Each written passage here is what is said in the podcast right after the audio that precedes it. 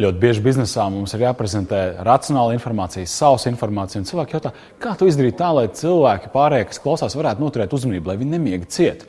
Šajā reizē, dienu pēc epizodē, Kārlis Danevičs, Seibankas valdes loceklis, kuram ir lieliski padomu par to, kā attraktīvi prezentēt arī šādu savus informāciju. Bing, bing, bang, bang, bing, bing, bing. You know what that is? Obama. Dienu pēc podkāstu epizode ir klāta. Mans vārds ir Oskars Spriedis. Esmu publiskās runas treneris Kristofers Petersons, kā Alažs, kā viņš pats par sevi saka, veca mēbele šajā podkāstā. Tā nevajadzēja laikam teikt. Kārlis Denevičs uh, ir ar mums šodien. Kas ir Kārlis Lūdzu? Pasaka cilvēkiem. Uh, Savs bērnu ciemata padomes priekšsēdētājs un uh, SEB bankas valdes loceklis. Tā ir pareizi. Tas diezgan unikāla kombinācija. Banka, tad viss tas stīvi, visi uzvalciņi, nauda. Jā. Tur dati un tad savs bērnu ciemats, kas ir uh, lieliska lieta, kas ir palīdzība tiem, kam tā ir vajadzīga. Nu, arī banķieriem ir sirds. vai, vai, vai tas ir saistīts savā starpā, vai tās ir divas dažādas lietas? Es saprotu, ka Seibanka arī kaut kādā ziņā kaut ko atbalsta. Jā. Protams, uh, Seibanka jau 11 uh, gadus ir viens no lielākajiem ziedotājiem. Un, nu, skaidrs, ka mēs ziedojam naudu, bet nu, iespējams būtiskāk ir ziedot savu uzmanību, savu laiku un savu sirdi investēt lietā. Klausies, bet tad noteikti ir vēl kāds, kuru tu mēģini pārliecināt, ka Klau, mēs darām tādu lietu, bet baigi labi būtu, ja tu palīdzētu ar savu laiku, savu enerģiju, iespējams, ar līdzekļiem. Un tur parādās komunikācija prasmes. Un, Tieši tā. Tā būtu sarunāts uz viens, vai varbūt viņš plašāka prezentācija. Nu, kas ir tā tava formula, kā tu tam gatavojies, kā tu sevi noskaņo un kā tu varbūt pārvar kaut kādas, nu tā, kā es iešu prasīšu viņam? Nu, patiesībā, sakot, man liekas, tās lietas, kas mums nāk no sirds, tās mm. nāk vienkārši. Un, uh, es esmu pieķēries pie domas, ka kādreiz, ja bankas vārdā par kaut ko kāds ir jāpārliecina, tas varbūt tās pat ir sarežģītāk nekā, ja savs bērns ciemata vārdā. Nu, tad ņemam bankas, bankas piemēru, jo nu, tas sarežģītā komunikācija ir tas, kas mums interesē, kā tu tiec galā, kas ir tava recepte. Nu, man liekas, tā recepte ir tiešums, atklātība, empātija pret, pret klausītāju, saprast, kas viņu interesē, kas ir, kas ir tas viņa leņķis. Nu, pat ja ir kaut kādas sliktas ziņas, kaut kādā, kaut kādā brīdī jāpasniedz, nu, tad tomēr to darīt cieņpilnu, mm -hmm. nu, un izprotot, kāda, kāda būs tās, tās otras puses reakcija. Man šī kombinācija, banķieris, skaitļi, racionāla informācija, viss šis, te, kas ir saistīts ar banku, plus stāstnieks. Ir tomēr tādas divas sākotnējas skatuves, un jā, tiešām aizsākt. Un, un, un tas, ko es esmu pamanījis, tiešām, ka auditorija, kad es, es, mans paradums ir tāds, ka tad, kad runā runātāji uz, uz skatuves, es ne, neskatos uz runātājiem, es skatos uz auditoriju. Un tas, ko es redzu auditorijā, tad, kad tu runā, ir šī te, nu, sekošana līdzi, uzmanība. Visu laiku ir noturēta uzmanība.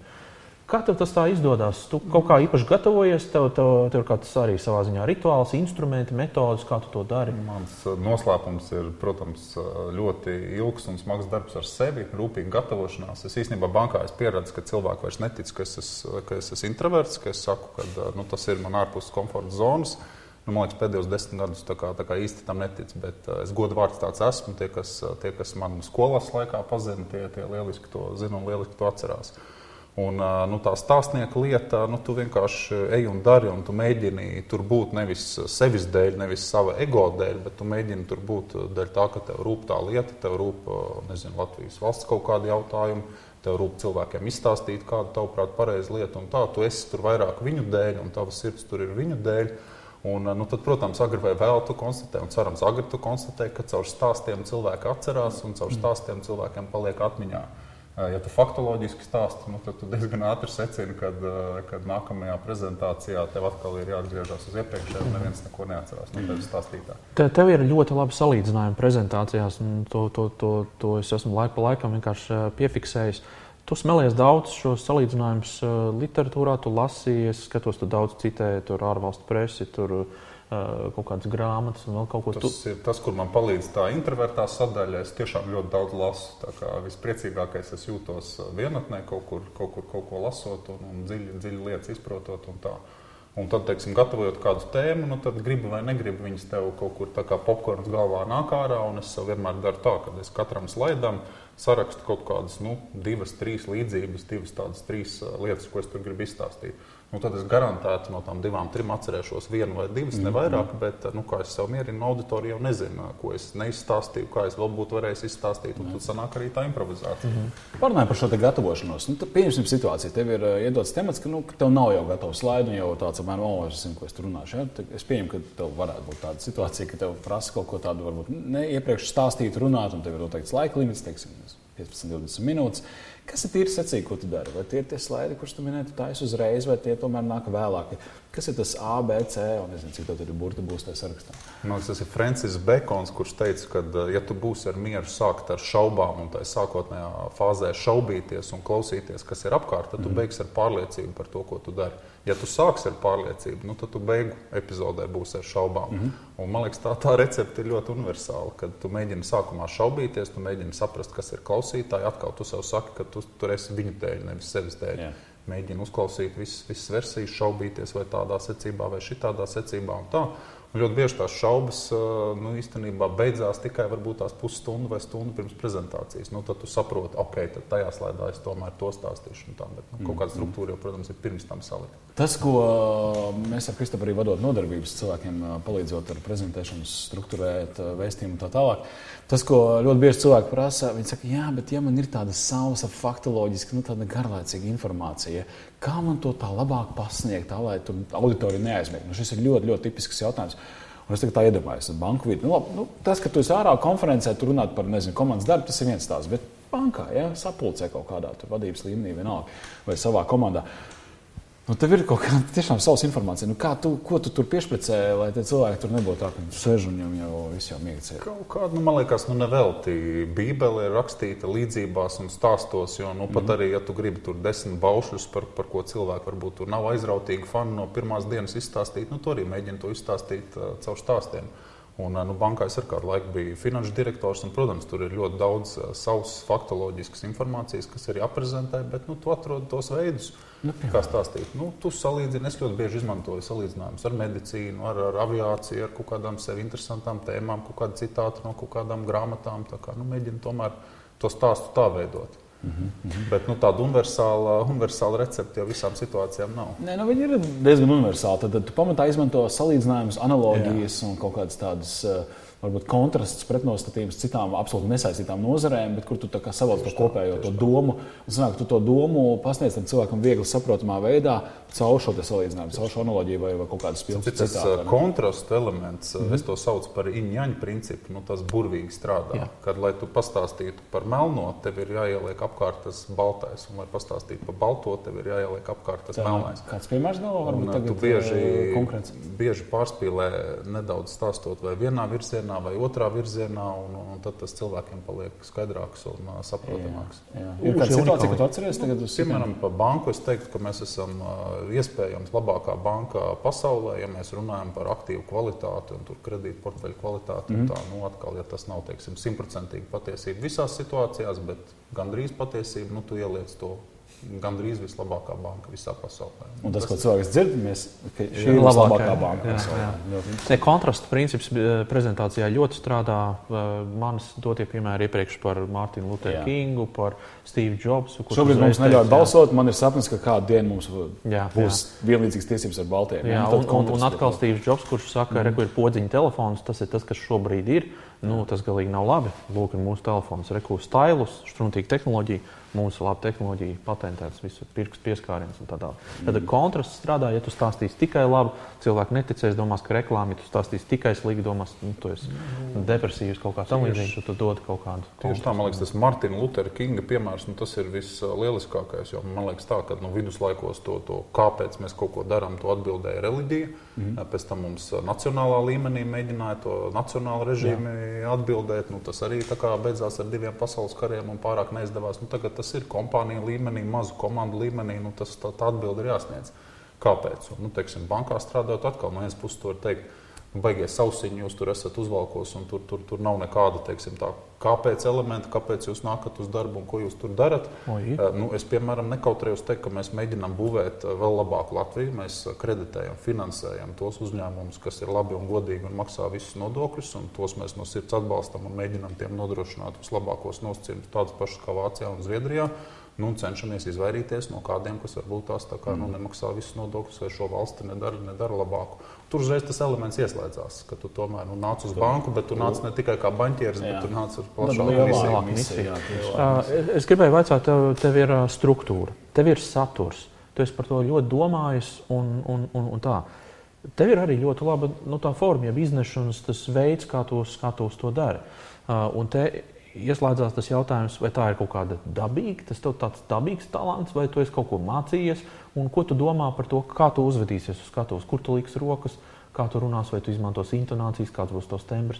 Tu seko tam līdzi, ja tas viss ir kaut kā. Es būšu ļoti atklāts. Man gribās mest ar pilspālu, jo kāds man darbā saka, ka man ir talants prezentēt. Man Ok. aicina ļoti, ļoti daudz un, un bieži to darīt, un tā, bet man joprojām ir kaut kur tas uh, pamatskolas puika, kas uh, kādā brīdī arī, nu, kā es domāju, visi cilvēki domā, drīzāk es izlaižu pa logu tajā klasē, nekā es iešu klases priekšā kaut ko prezentēt. Tā kā es esmu tiešām nu, piemērs uh, tam, kad ar, ar, ar, ar lielu neatlaidību, pārliecību, smagu darbu, manuprāt, var sasniegt, uh, sasniegt lietas, un, un, un es tādam iedzimtam talantam nu, līdz galam neticu. Mm -hmm. Ir kaut kāda iedzimta predispozīcija, bet uh, nu, tomēr šajā dzīvē viss ir par un ap smagu darbu. Nu, mēs varam runāt par temperamentu, par rakstura elementiem. Nu, kaut par, kur kaut varbūt, kur jā, jā, bet es tev pilnīgi pievienojos. Jā, par oratoru nepieciešams, par oratoru tomēr kļūst. U, jā, labi. Ej, ej, man komentārs par Vienkārši to, šis jautājums jau tajā kontekstā, kurā tu mūs ieliki. Ja tu esi introverts, kurš bija gatavs teikt, darīt visu tikai nebūtu skatos priekšā, un tomēr savu pārvaru dara. Man ir aizdoms, ka tev kā pirms kāpta skatos ir uztraukums. Lai cik tu no šaubām līdz pārliecībai gājis satura plānojot, ja? Kā tu ar sevi strādā, kas ir tās domas vai kas ir darbības? Noskaņošana, kā sevi Man tāds uh, fenomenālākā mācība bija, tas bija pie viena Londonas aktieru meistarības pasniedzēja, kurš daudzus arī nu, tur slavenus pasaules aktierus ir, ir mācījis. Un tā, un, un viņš, ko man iestāstīja, un veiksmīgi iestāstīja, viņš teica, nu beidz. Visi uztraucās. Mēs te Holivudas tur krūtākās zvaigznes filmējam, un tā. Un es redzu, ka viņi ir nobijušies, un viņiem tā situācija nav laba, un šī situācija nav laba. Viņš saka, kas tev galvā ir jāizdara? Tu nevari sev ielikt ambīciju, ka tu neuztrauksies. Mm -hmm. Tu vari ielikt sev ambīciju, ka tu neuztrauksies par to, ka tu uztraucies.